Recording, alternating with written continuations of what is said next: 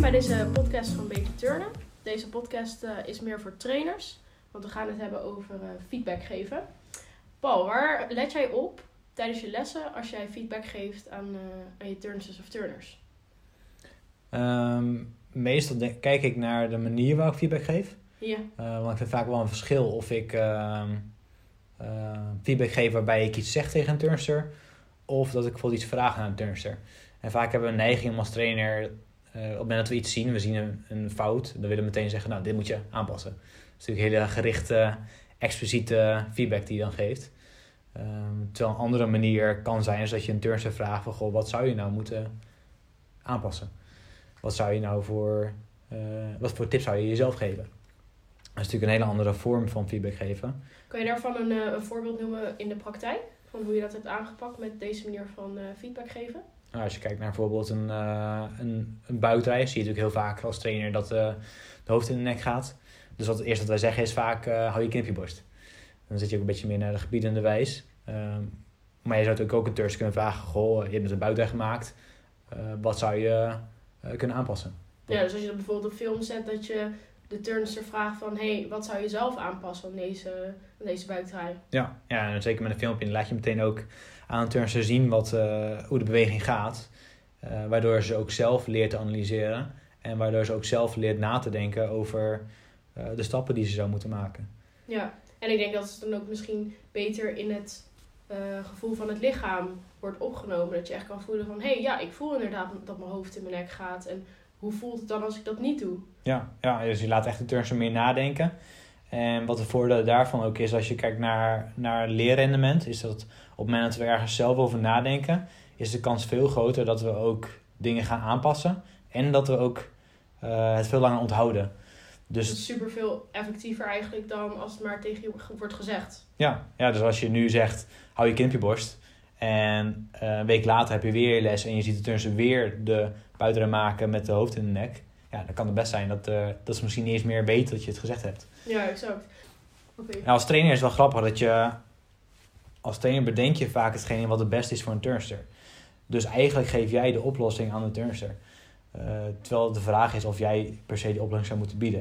Je bent natuurlijk wel trainer, maar eh, wat vaak wel kan helpen als trainer is dat je open vragen stelt. Dus eigenlijk stuur je nog steeds een turnster, maar een open vraag zorgt er niet voor dat zij gaat nadenken. In plaats dat jij de oplossing al, eh, al aanbiedt. Dat de regie in ieder geval iets meer bij de turnster komt te liggen. Dat je wat handvaten geeft van, hé, hey, in die richting wil ik je sturen met deze tip. Ik wil dat je uiteindelijk je kind meer op de borst houdt. Ja. Ehm, maar dat je daar in ieder geval door een open vraag te stellen wat meer de regie nog bij de turnster zelf Ja. legt. Ja, en het komt ook als anders over. Want als je kijkt naar, als je zegt, hou je kind op de borst, dat komt dus als gebiedende wijs.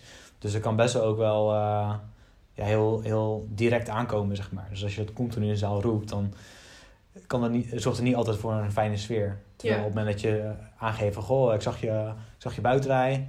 eh, wat, wat zou je nu moeten aanpassen? Ja, dat is een hele ja. andere benadering ook naar je turnster toe. Eh, dus dat is wel een groot verschil. Dat valt mij ook vaak op. eh, dat trainers best wel heel direct zijn in het zeggen wat er fout gaat. Ja. In plaats van dat ze een beetje dat leervermogen stimuleren om zelf achter je fout te komen. Ja. En dat komt ook veel minder over alsof je een soort politieagent bent die zegt dit is fout, dat is fout. Ehm, ja, ik ben er zeker mee eens dat dat eh, eigenlijk effectiever is als je dat openlaat en meer bij de turnster. Ja, het werkt dus natuurlijk veel beter als je eh, positief feedback geeft.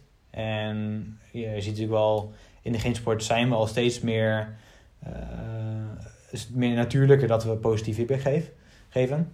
Terwijl voorheen zaten we best wel veel negatieve, maar positieve leerklimaat is best wel eh, een hot topic natuurlijk. Ja, Dus je ziet dat veel trainers daar wel bewust van zijn. Maar wat vooral meespeelt is dat op het moment dat jij positieve feedback krijgt, is dat jij, ja, je hersenen gaan aan, want die horen iets positiefs en dan gaan ze luisteren. Dus op het moment dat je je positief feedback geeft, sta je veel meer, staat de ander veel meer open om daarvan te leren. Terwijl op het moment dat je eigenlijk iets negatiefs te horen krijgt, dan ga je meteen al bedenken, ja, wat is er dan niet goed of wat doe ik niet goed of wat gaat er fout. ja. en als je ook terugkijkt naar de psychologie, weerstand roept weerstand op. Dus bij je fouten kom je eigenlijk ook in dat negatieve terecht. In plaats van als je het op een positieve manier brengt van hé, hey, je zou eh, dit doe je goed, eh, je zou dit nog kunnen verbeteren om het ele element nog beter te maken. Dat het ook meer motiverend positief werkt. Ja, ja, voor sommige trainers kan daar ook wel eens de uh, sandwich methode bij helpen. En daarbij geef je dan eerst een top, dan geef je een tip en dan geef je een top. En dat is met name omdat we natuurlijk zeiden, is als je eerst positief feedback ontvangt, sta je veel eerder open voor een verbetering. Waardoor dus die beter aankomt en waardoor die ook beter opgepakt wordt. En door dan ook nog eens een keer af te sluiten met een positief iets, dan heb je natuurlijk helemaal een, eh, een goede, een goede feedbackmethode. Ja. Het is nou niet dat ik nou zeg dat je per se altijd sandwichmethode moet gebruiken, want dan ja, kost het en veel tijd en dat is ook niet altijd van toepassing. Maar het is wel iets uh, wat sommige trainers wel kunnen gebruiken om, uh, om nog beter feedback te kunnen geven. Ja. En wat vind jij nou van de frequentie van feedback? Dat is wel een leuke vraag, denk ik. Want uh, ik merk, zeker omdat ik best wel vaak personal training geef, dan zit je natuurlijk één op één. Waarbij je dus minder turnsters ziet en dat je echt best wel veel met de turnster bezig bent in de les. Merk ik dat ik automatisch meer feedback ga geven. Dus dat is een beetje mijn valkuil. Dus als ik, als ik heel graag iemand wil helpen, ga ik meer feedback geven. Terwijl het nadeel... Niet altijd nuttig eigenlijk is. Soms moet je ook gewoon iemand lekker zijn ding laten doen. En um, niet op elke beurt feedback geven. Nee, nee, het is gewoon het gevaar natuurlijk. Dat je, je kan iemand gewoon heel makkelijk overvragen. En zeker als je ook nog eens een keer heel veel wisselt met je feedback. Dus als je iemand springt en je zegt, nou je moet meer omhoog springen. En daarna zeg je, ja je moet uh, meer armen rechtop houden. En dan weten de dus ook niet meer wat ze moeten aanpassen. Herkenbaar voorbeeld vanuit de praktijk, inderdaad. Elke sprong is er weer iets anders aan de hand. Uh, nou, dat brengt me ook wel op het punt om te zeggen van probeer feedback uh, te beperken. Dus laat ja. een turnster per training aan één doel tegelijk werken. Uh, stel één doel op en ga daar mee aan de slag. In plaats van en die tenen en de benen ja. en de snelheid en de afduwfase. Um, ja, dat is inderdaad in de trant van overvragen zeker niet nuttig. Ja, en heb, je ook, heb je ook wel iets concreets waar je aan kan werken. In plaats van dat je vijf tips meegeeft. En als een turnster bijvoorbeeld jong is, dan is ze helemaal niet in staat om al die feedback te verwerken. Nee. En voor mezelf uh, gebruik ik dan wel eens de regel van drie. Waarbij ik een turnster eigenlijk eerst drie keer iets laat oefenen. En dan pas ga ik kijken of ik de goede feedback kan geven. Dus als ik merk dat ik die valkuil heb dat ik te vaak dingen ga vertellen, te vaak feedback ga geven, dan probeer ik eerst de turnster drie keer iets laten oefenen. Uh, en dan pas weer feedback te geven en dan weer andere feedback. Dus dat is voor mij altijd wel een mooie, uh, handvat om daarmee om te gaan. En dat is ook bewezen vanuit de literatuur van je hoeft niet bij elke beurt feedback te geven. Um, dat kan juist negatief werken op dat leereffect. Ja, ja en zeker als je kijkt naar feedback. Want als je kijkt naar uh, de turnsport hebben we vaak de neiging om altijd te kijken naar verbeteringen. Dus als wij feedback geven, is het bijna altijd omdat we iets willen aanpassen. Dus altijd omdat die benen iets rechter moeten of de arm, ramphoek moet een beetje meer geopend zijn. Dus uh, dat is wel een gevaar van, van de sport die we hebben, is dat we altijd maar kijken naar het volgende. Ja. En dat merk ik ook bij mezelf als trainer als ik uh, turnsters geef waarbij bijvoorbeeld iets gelukt is. Waarbij je eigenlijk heel blij moet zijn is dat bijvoorbeeld de keep gelukt is. Als een turnster daar misschien wel maanden mee bezig geweest is. Maar wat ik dan merk aan mij als trainer is dat ik, als ik dan zie dat die keep gelukt is, dan denk ik, oh mooi, gelukt. En ga nu maar eens kijken of je die opzij hoger kan maken. Ja. Terwijl die ja. turnster misschien net drie maanden lang heeft geoefend om te zorgen dat die keep eindelijk lukt. Ja, exact. En ik ben meteen bezig met het volgende. Ja, ja. ja dat is zeker een gevaar als trainer zijnde. En soms is het ook wel eens leuk om uit te testen van... hé, hey, wanneer wilt een turnster nou feedback krijgen? Uh, door dat gewoon eens te vragen van... ik ga deze les alleen feedback geven als je erom vraagt. Ja. En wat ik daaruit merkte, ik heb dat toegepast in de praktijk... dat ik eigenlijk heel vaak feedback gaf... terwijl dat een turnster soms veel meer behoefte heeft om lekker even zelf uh, aan te modderen. En dan komt die feedback later wel. Ja, ja dan kom je een beetje bij, bij het maken van aannames als trainer. Want je doet vaak de aanname als trainer dat een turnster feedback van jou wilt hebben. En dat is niet altijd, niet altijd het geval. Niet, niet altijd wil een turnster direct feedback van je hebben. Uh, dus dan is het wel goed om te weten of, of iemand daarvoor open staat. Ja. En dan kan je het inderdaad ook soms wel eens gewoon vragen. Ja, exact. Ja. En wat soms ook wel mooi is om bewust van te zijn, is om niet alleen maar feedback te geven op het resultaat, dus dat element dat je aan het oefenen bent, maar ook is gewoon op het proces. Dus als een turnster Ja. binnen de training ehm, van de balk afvalt met een koprol, zou je elke keer feedback kunnen geven op die koprol. Maar misschien lukt hij nu zes van de tien keer wel en was dat zes weken geleden nog maar twee keer. Mhm. En om daar ook uh, aandacht aan te besteden van... hé, hey, wat goed dat je die uh, kopronde zes keer kan maken. Ja. ja, dat herken ik ook wel eens bij de workshops die ik geef. Dan uh, heb ik een video staan met een casus waarbij iemand een losom niet zo netjes uitvoert. En ik vraag aan de trainers, uh, ja, geef zoveel mogelijk tips die je kan geven aan deze, of geef zoveel mogelijk feedback aan deze turner. En wat je dan ziet, dan ga ik ze afvinken wat dan positief is en wat echt een verbeterpunt is.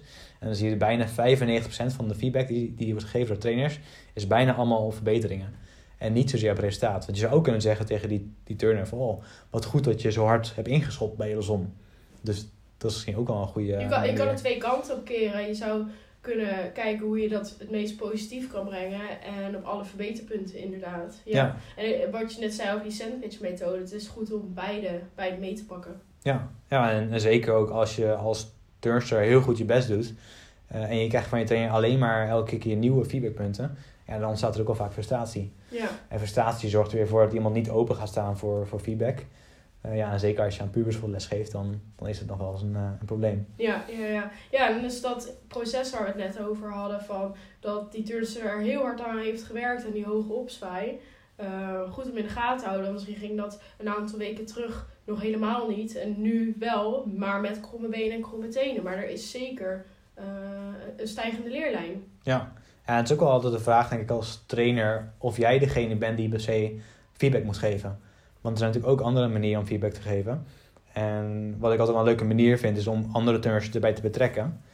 Um, en dan werk ik bijvoorbeeld wel eens met sticky notes. En dan geef ik een paar sticky notes aan de turnsters. En zeker als ze naar de wedstrijdseizoen uh, toe gaan, dan laat ik turnsters naar elkaar kijken en laat ik ze elkaar feedback geven. Um, en als je dan bijvoorbeeld wil voorkomen dat ze negatief feedback geven, uh, kies ik ook eens voor om ze alleen maar tops te, te laten geven. Oh, dus ze kijken naar een wedstrijdoefening van de medeturnster en ze mogen van mij alleen maar tops geven. Dus eigenlijk wordt, wordt de turnster een beetje opgehemeld, krijg je meer zelfvertrouwen, uh, waardoor eigenlijk haar oefeningen ook beter worden. En als bijkomend voordeel is dat je de andere turnsters leert om als het ware te jureren. Dus we, we promoten eigenlijk ook meteen de jurysport. En um, leid je eigenlijk meteen al een beetje mini uh, juryleden op. Ook nog een mooi bijkomend voordeel. Ja, ja want um, wat ik vooral tijdens mijn lesopgeving merkte... is dat turnsters elkaar veel positief feedback geven. Van als een turnster eigenlijk helemaal niet durft over te springen op brug... en de groepsfeer is goed... dan wordt die turnster elke week weer gestimuleerd door medeturners. Dus van, hé, hey, ja. je hebt hem bijna, ben je goed bezig. En ja, dat is ook leuk als een groep elkaar kan stimuleren met feedback. Ja, ja, ja. Nou, zo zie je dat er gewoon heel veel uh, verschillende manieren die, eh, zijn die je als trainer kan gebruiken om feedback te geven.